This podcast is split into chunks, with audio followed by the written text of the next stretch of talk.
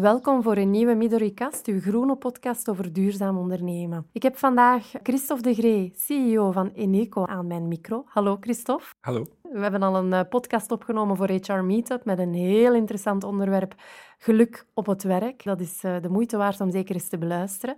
Maar Christophe, vandaag gaan we het hebben over Eneco. En dan ook vooral jouw functie daarin. Misschien kan je dat eventjes toelichten? Ja. Van hoe dat je daarin...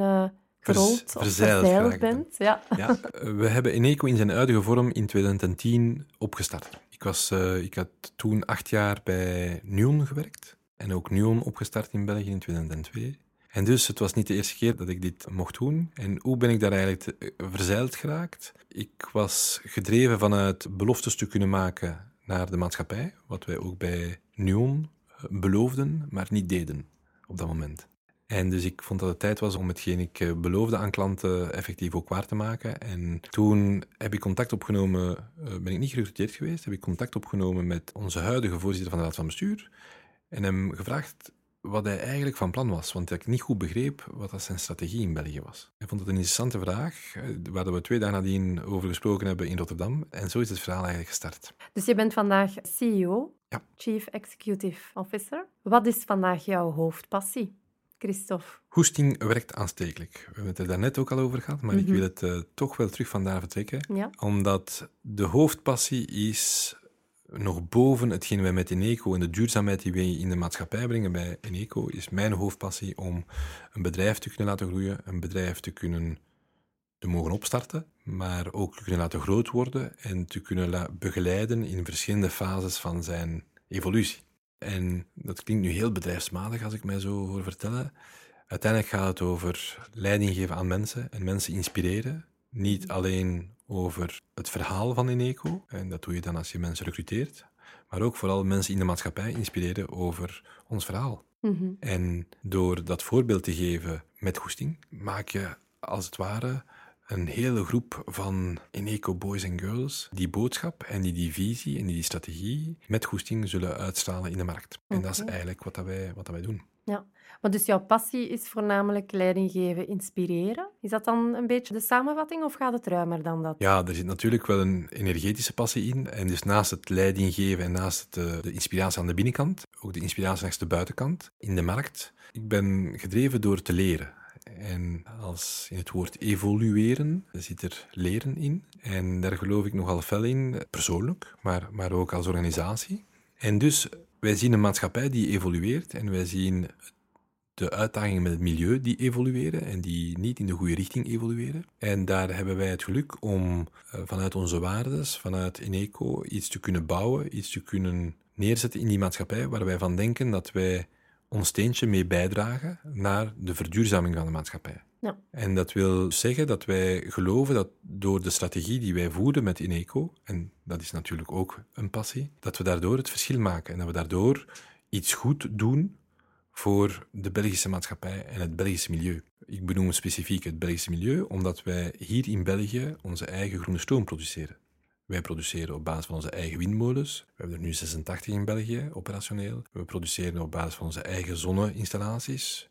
We hebben er nu 157.000, denk ik, zonneinstallaties in België. Dus eh, we hebben daar heel hard op ingezet op die stroom die gratis opgewekt wordt. En met die productieinsteek hebben we heel wat klanten proberen te overtuigen om eigenlijk, als het ware virtueel, beleverd te worden door die stroom. De belofte die we gemaakt hebben is dat we 100% van de stroom die we gaan beleveren aan onze consumenten en aan de bedrijven die we geïnspireerd hebben in ons verhaal, ook effectief 100% afkomstig is uit duurzame installaties hier in België. Dus dat is een heel lokaal, decentraal, duurzaam gewortelde strategie die ons tot nu toe heel goed gegaan is. En daarmee heb je eigenlijk ook al een beetje de historie van Ineco toegelicht. Zijn er nog dingen die je daar wil aan toevoegen? Wat betreft het, uh, de geschiedenis van Ineco, het ontstaan, het... Uh... Ja, dus na dat fameuze gesprek eh, met mijn huidige voorzitter van de Raad van Bestuur, leek het allemaal roze geur en maneschijn en ik zou komen het nieuwe verhaal van Ineco in België schrijven en Natuurlijk gaat dat allemaal niet zo. En kom je toe in een bedrijf en dan stel je vast van, hmm, hier zijn toch nog wat, wat, dingen die we eerst moeten fixen en wat dingen die we eerst gaan moeten aanpakken alvorens we een nieuw verhaal kunnen schrijven. Dus dat is een eerste fase. En zo zijn er verschillende fases die elkaar hebben opgevolgd. En dat vind ik superrijk. Dat je in een organisatie, we bestaan nu vijf jaar, we zijn van negen medewerkers toen ik er kwam, naar, naar iets meer dan, uh, dan 200 medewerkers vandaag. Op weinig tijd, 300.000 klanten op weinig tijd. En dus dat maakt dat je in alle dimensies gestretched wordt. Mhm. En dat is boeiend om buiten je eigen comfortzone gebracht te worden en om mensen ook buiten hun eigen comfortzones te zien evolueren en ze daarin te begeleiden. En dus als je zo'n jonge challengersorganisatie hebt zoals in ECO, dan heb je dat al een paar keer meegemaakt en dat vormt het DNA van het bedrijf, dat op zich dan weer ons helemaal future-proof maakt omdat we nog wel wat uitdagingen gaan tegenkomen, denk ik. Mhm. Jullie zijn opgenomen in het klassement van Greenpeace. Hebben jullie daar rekening mee gehouden? Hebben jullie aandacht besteed aan bepaalde aspecten om dat resultaat te bekomen? Absoluut. Ja, Absoluut. vertel daar eens wat meer over. Die Greenpeace-ranking waar je naar refereert, is eigenlijk een objectieve ranking die door alle marktpartijen gewaardeerd wordt, omdat zij net de investeringen die een bedrijf doet in die duurzame productie, gedaan heeft. In de laatste ranking houden ze rekening met welke investeringen heeft het bedrijf al gedaan. Welke investeringen gaat het bedrijf ook nog doen in de toekomst. Uiteraard in duurzaamheid. Hè. In dat opzicht is het niet zo dat we die investeringen hebben gedaan voor de Greenpeace-ranking, maar bevestigt die Greenpeace-ranking wel dat we al heel wat geïnvesteerd hebben in duurzaamheid in België en dat de plannen met bijvoorbeeld de constructie van een offshore windmolenpark Norder, dat uh, in 2019 uh, live zal zijn, of operationeel zal zijn, wel, dat die plannen zijn ook opgenomen of zijn ook gewaardeerd geweest in die ranking. En dan zie je inderdaad dat we daar als enige grotere speler in de markt, zeg maar, zo'n hoge score halen van 18 op 20. Er zijn natuurlijk ook nog bedrijven die, die het nog beter doen, hè, die 20 op 20 halen. En ook terecht 20 op 20 krijgen. Wij leveren, wij hebben als missie en hebben voor onszelf uitgeschreven dat wij voor de brede consument in België, de consument die bewust wil leven en die bewust wil omgaan met energie, maar die daarvoor geen coöperant is of die daarvoor niet alleen maar elektriciteit afneemt en geen gas. Wij willen een leverancier zijn die, die naar de volledige markt zich kan richten, vanuit een duurzame gedachte. Mhm. Dat maakt dat we dus ook gas leveren. Niet alleen elektriciteit, maar ook gas. Die levering van gas in de Greenpeace-ranking wordt negatief gecoteerd, omdat die, dat minder duurzaam is dan elektriciteit dat je opwekt vanuit hernieuwbare bronnen. Mhm. Onuitputtelijke eh, hernieuwbare bronnen. En dus Daarvoor uh, zijn er bedrijven die, de bedrijven die 20 op 20 hebben gekregen in die ranking, zijn echte coöperatieven op windmolens bijvoorbeeld. Ja. En dus die, daar praat men alleen maar over elektriciteit. En dat is hetzelfde vanuit de elektriciteitspoot, is dat wat wij bij NECO ook doen, ook met coöperatieven of niet. Hè, daar kan je zelf in kiezen. Maar wij leveren dus ook gas en dat heeft, uh, dat heeft ook zijn impact gehad op uh, die ranking. Mhm. Maar ten opzichte van mijn conculega's ben ik heel fier met onze 18 op 20. Dat is op zich niet slecht voor een bedrijf dat nog zo jong is. Hè? Absoluut. Oké. Als we nu gaan kijken naar de markt hè, die er bestaat vandaag in die sector, wat, wat zijn dan jullie sterke punten waardoor dat jullie zich distingueren van uh, de anderen? Ja, we moeten daar niet flauw over doen. Vandaag is de energiemarkt nog altijd een prijsgedreven markt. En dus de prijs is geen differentiator meer.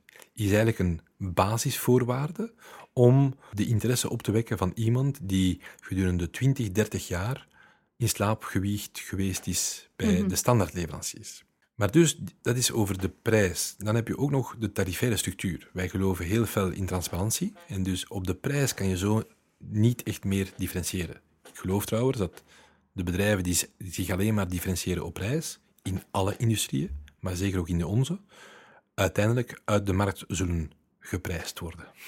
Mhm. En dus dan kom je op wat is dan wel differentiërend in de prijs. Hè? Dat is de transparantie in de tarifaire structuur. Wij zijn de enige leverancier die vandaag twee duidelijke tarieven heeft.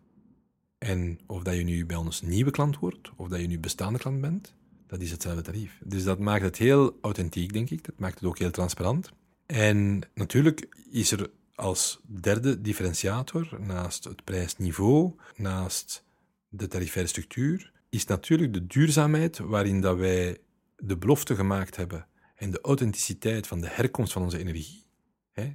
Dus wij doen niet aan greenwashing, zoals de meesten doen in de markt. Dus de authenticiteit van de herkomst van energie, dit is absoluut made in Belgium.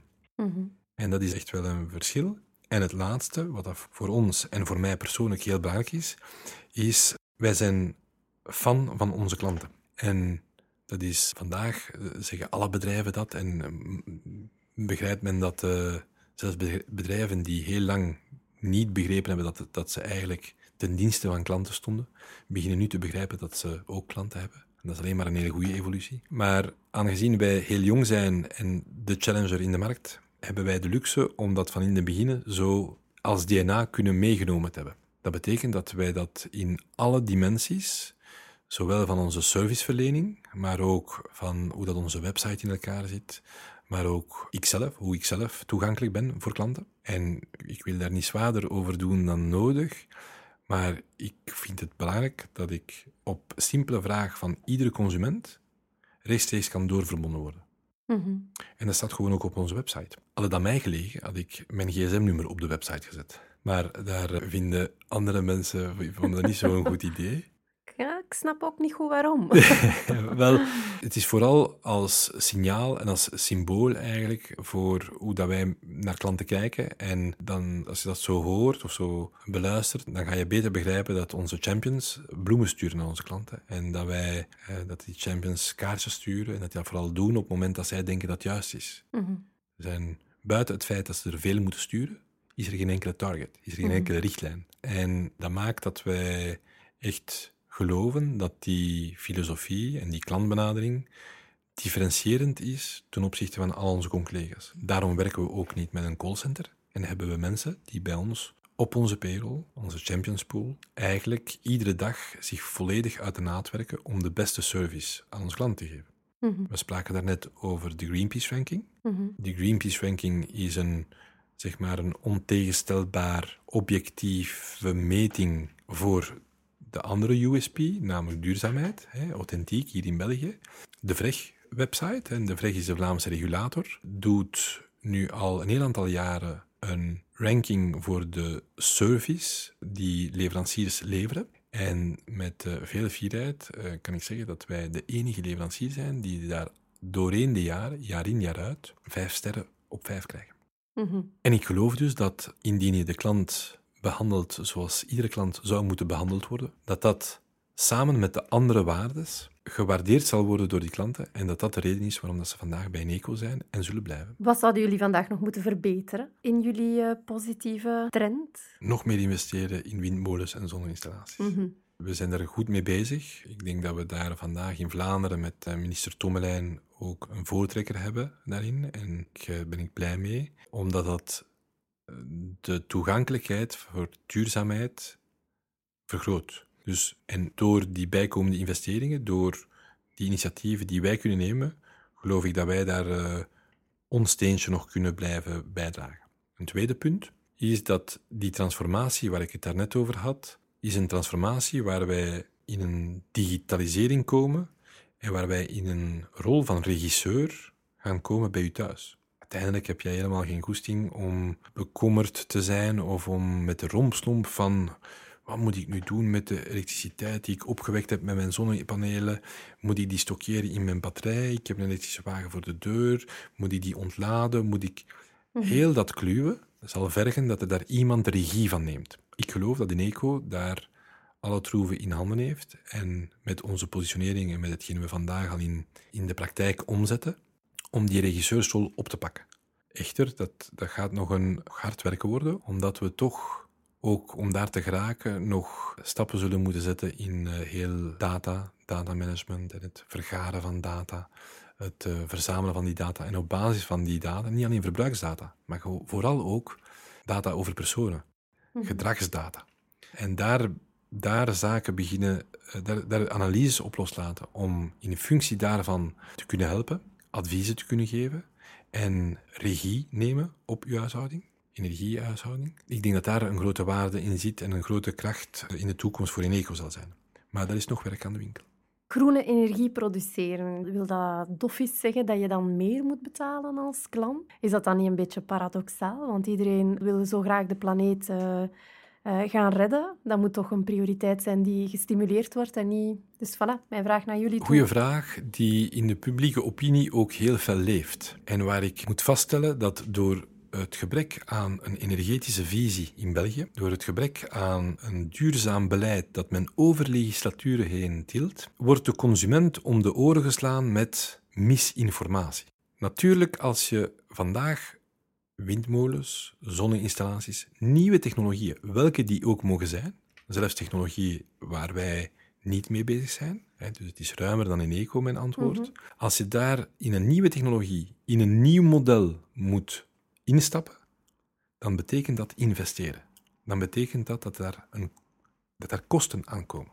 Als we dat dan afzetten ten opzichte van een referentiekader dat volledig afgeschreven is, Mhm. en ik doe uiteraard eh, op kerncentrales die volledig zijn afgeschreven, ja, dan is de kostprijs van een kilowattuur die geproduceerd wordt met een nieuwe productieentiteit hoger dan degene die je hebt als je dat doet met een afgeschreven productieentiteit. Maar gratis stroom opwekken via zon en wind, dat is onuitputtelijk. En dat is gratis. Dus het is maar de enabler om die stroom gratis op te wekken, de windmolen of het Mhm. zonnepaneel, waar er nu nog moet in geïnvesteerd worden. Maar er komt een moment waar dat gewoon met gelijke wapens strijdt. Want mispak u niet als in België de kerncentrales vernieuwd zullen moeten worden, wat ze eigenlijk al hadden moeten zijn, dan zal dat gepaard gaan met een gelijkaardige investering. Wat zeg ik? Een veel hogere investering. En ik ben dan benieuwd of dat de sceptici van duurzaamheid, of dat die dan op dat moment dezelfde stem zullen laten luiden, want het zal ook gepaard gaan met het verhoging van wat u en ik betaalt maandelijks voor onze elektriciteit. Mhm. En dat is een grote misvatting, vind ik, die niet in rekening gebracht wordt vandaag. Daarnaast wordt er gemakkelijk vergeten dat nucleaire centrales nucleair afval produceren en dat dat nucleair afval ook een maatschappelijke kost heeft. Nog los van de kost die wij niet kan inschatten op het milieu binnen de komende decennia, Mhm. nog los daarvan, is gewoon de afbraak en de verwijdering van het nucleair afval ook een waanzinnige kost. Ja. En dan het laatste punt wat ik, wat ik hierover nog wil vertellen is subsidiëring. Vaak wordt de hernieuwbare sector subsidies toegedicht.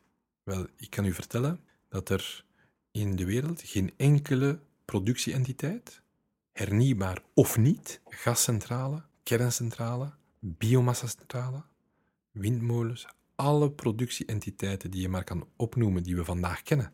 En de beauty in onze industrie is dat er nog veel nieuwe productiecapaciteiten gaan komen in de, in de toekomst die we vandaag nog niet kennen. Maar dit gezegd zijnde, al die productiecapaciteiten die vandaag vernieuwd of gebouwd worden, die worden ondersteund.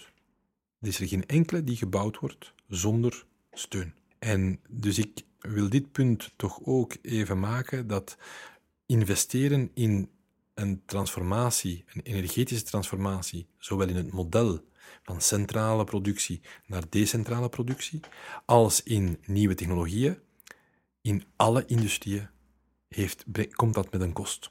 En dan zal men moeten gaan kijken waar in de waardeketen, de energetische waardeketen, we kosten kunnen besparen, zodat we die kost met de maatschappij kunnen dragen. En dat wordt nog een uitdaging. Maar een mooie uitdaging, denk ik. Hè? Absoluut. Die zeker en vast gaat lukken.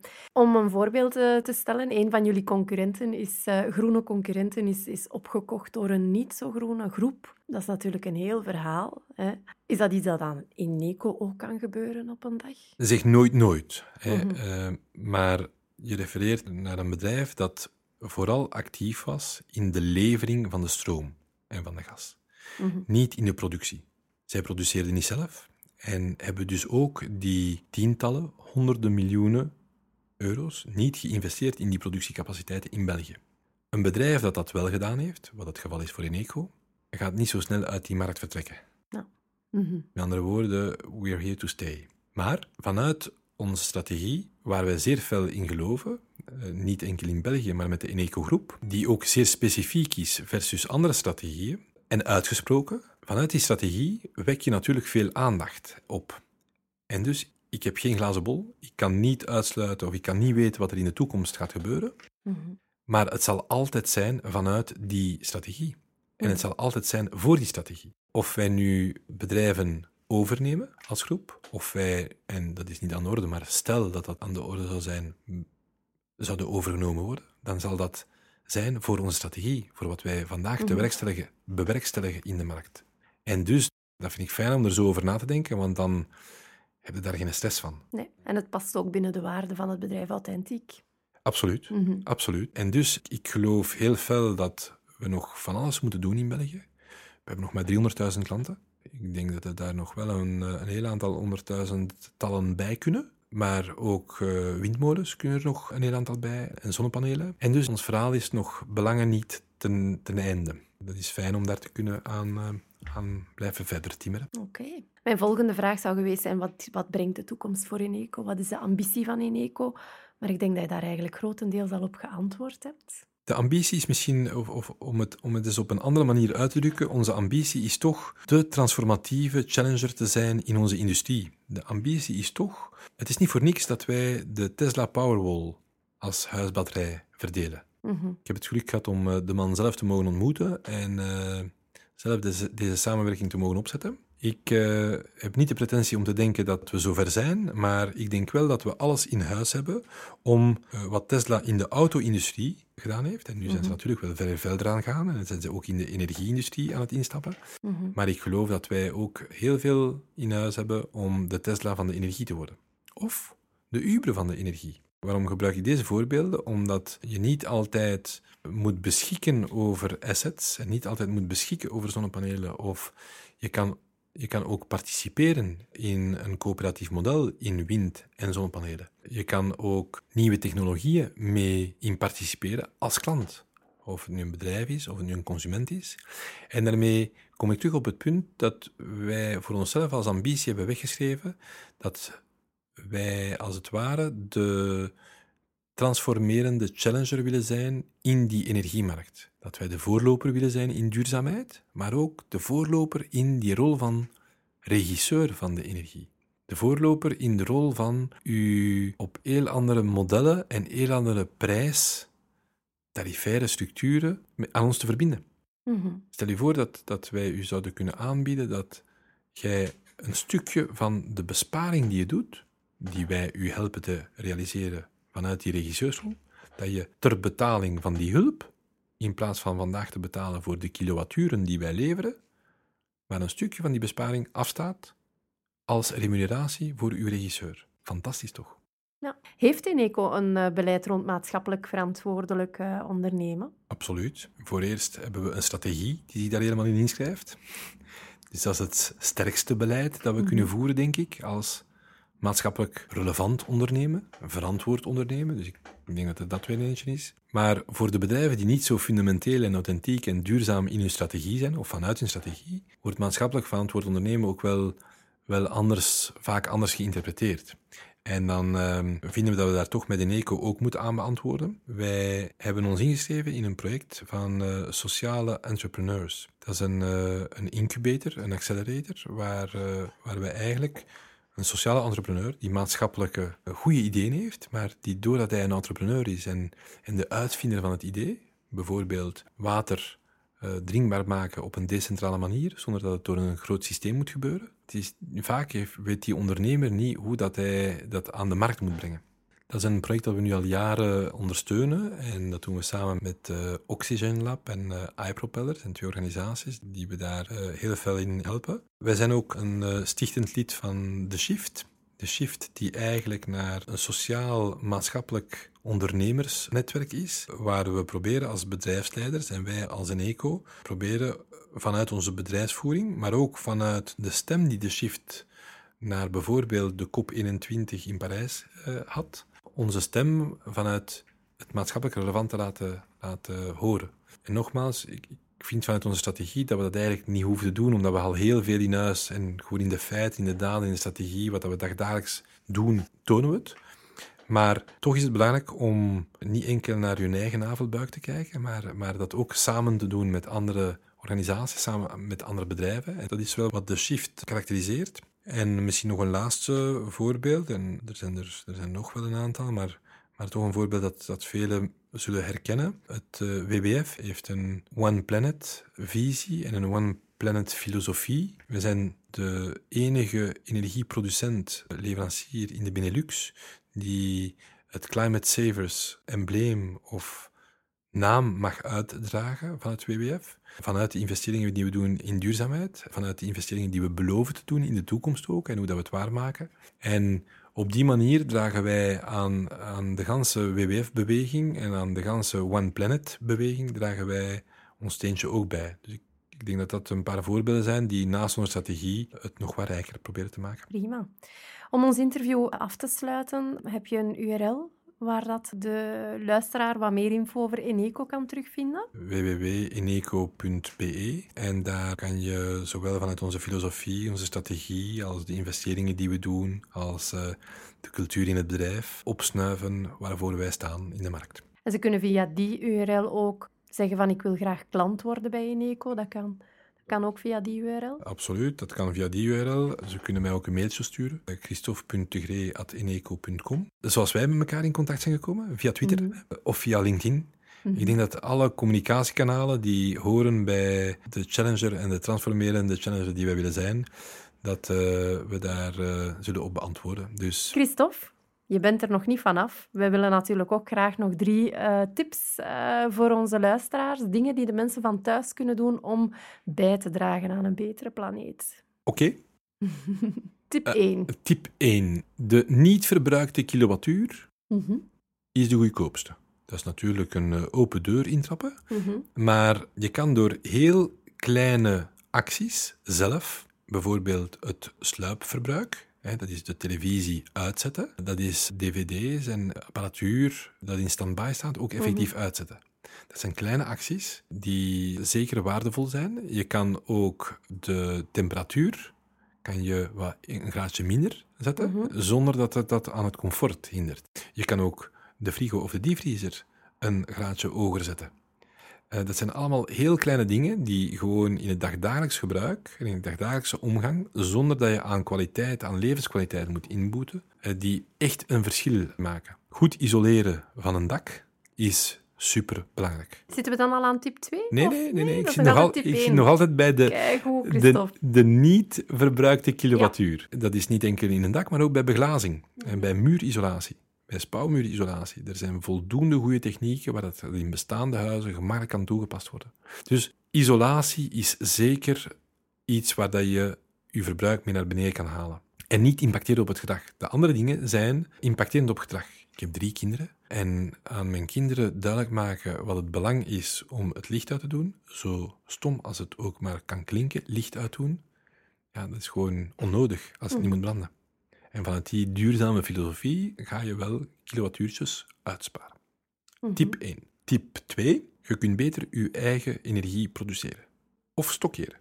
En dat klinkt paradoxaal voor iemand die kilowatturen levert, hè, en die vandaag voor een stuk zijn inkomsten haalt uit het leveren van die kilowatturen, maar vanuit de verduurzaming van de maatschappij en vanuit de consument geredeneerd, is zelfopwek nog altijd interessanter dan te beleveren of u te laten beleveren uit het net. Mhm. De technologieën vandaag van de zonnepanelen is zodanig geëvolueerd dat de productiekost van die zonnepanelen waanzinnig naar beneden gegaan is en dat het rendement waanzinnig gestegen is. Dus zelfs met een lagere subsidie dan we die gekend hebben in het verleden, is het vandaag zeer, zeer interessant om zonnepanelen te zetten. Een huisbatterij, om de elektriciteit die je geproduceerd hebt overdag, hè, want de zon schijnt overdag, te stockeren om s'avonds te kunnen ontladen en te gebruiken, is een heel duurzame manier om met, om met energie om te gaan. Mhm. En ook dat, die stockage van die elektriciteit, op huisniveau of wellicht op wijkniveau of op straatniveau. Er gaan verschillende vormen ontstaan, dus dat wordt mhm. nog heel, uh, heel spannend. En daarin participeren en daarin coöpereren, dat is absoluut iets wat iedereen zou moeten bekijken en overwegen. Is dat veilig allemaal? Dat is nu even een persoonlijke vraag dat ik ertussen zet. Zo zelf je elektriciteit gaan stockeren. Ik weet niet, dat, dat klinkt zo... Oeh. Ja, als ik het me zo hoor vertellen, dan lijkt het precies dat je dat in een bokaal steekt en dat je dan die bokaal op je frigo zet. Zoiets. Maar zo is het niet. Nee, nee, maar als je spreekt over zo die Tesla-batterij, eh, die staat dan vermoedelijk ergens in je garage of in een... Is dat allemaal veilig? Ja. Er zijn 230.000 zonneinstallaties in Vlaanderen. Mhm. Er zijn er 340.000 in België. Mhm. Qua veiligheid hebben we daar geen, geen enkel risico. En dat is ook een elektrische installatie. Op dezelfde manier moet je kijken naar die stockage en die batterij die toevallig in je garage hangt. Want voor hetzelfde geld heb je ook een batterij op wielen die voor je deur staat. Een elektrische wagen. En dus die batterij die in uw garage of in uw kelder hangt, die wordt op dezelfde veilige manier inderdaad als uw zonnepanelen geïnstalleerd, door dezelfde professionele installateurs, mhm. zodat er daar geen enkel risico is vanuit een uh, elektrisch of vanuit veiligheidsperspectief. Ja. Derde tip. In slaap gevallen klanten, alstublieft, wake up. En dat is een pleidooi tot, voor marktmobiliteit. En dat is een pleidooi om ervoor te zorgen dat mensen die doorheen de jaren en de voorbije decennia is het altijd al zo geweest, want toen was de markt nog niet vrijgemaakt. En dus goed in slaap gevallen zijn bij hun standaardleverancier, hè, bij een van de twee standaardleveranciers. En die dus op het moment dat ze vragen hebben, wellicht een beter aanbod zullen krijgen van die standaardleverancier, wel, die mensen die verdienen het om zelf het initiatief te nemen, om op de markt te gaan kijken en te vergelijken op duurzaamheid, op service, op prijs. Het loont de moeite, het is eenvoudig, er is geen rompstomp aan en het is geen pleidooi om het de facto naar Eneco te doen, het is een pleidooi om marktmobiliteit en concurrentie te bevorderen. Mhm. En dus, slapende klanten, sta op. Wake up. Nu, je kan bevestigen dat dat traject van zoeken naar een nieuwe energieleverancier, we hebben dat zelf thuis ook gedaan. En we zijn uiteindelijk bij Eneco uitgekomen. Ah. Dus ja, en wij zijn heel tevreden. Oké. Christophe, dank u wel. Het was uh, heel interessant. Jouw bijdrage heeft zeker nut en een toegevoegde waarde voor onze luisteraars. Dank u wel. Graag gedaan. Aan onze luisteraars uh, thuis, als jullie zelf een idee hebben van hoe dat we kunnen bijdragen aan een betere planeet, of jullie werken voor een bedrijf dat daar actief aan deelneemt, aan het duurzaam ondernemen, aarzel niet om een kijkje te nemen op onze website midorikast.org. Kijk even onder events en dan kan je je daar registreren voor onze volgende opname. Misschien tot binnenkort.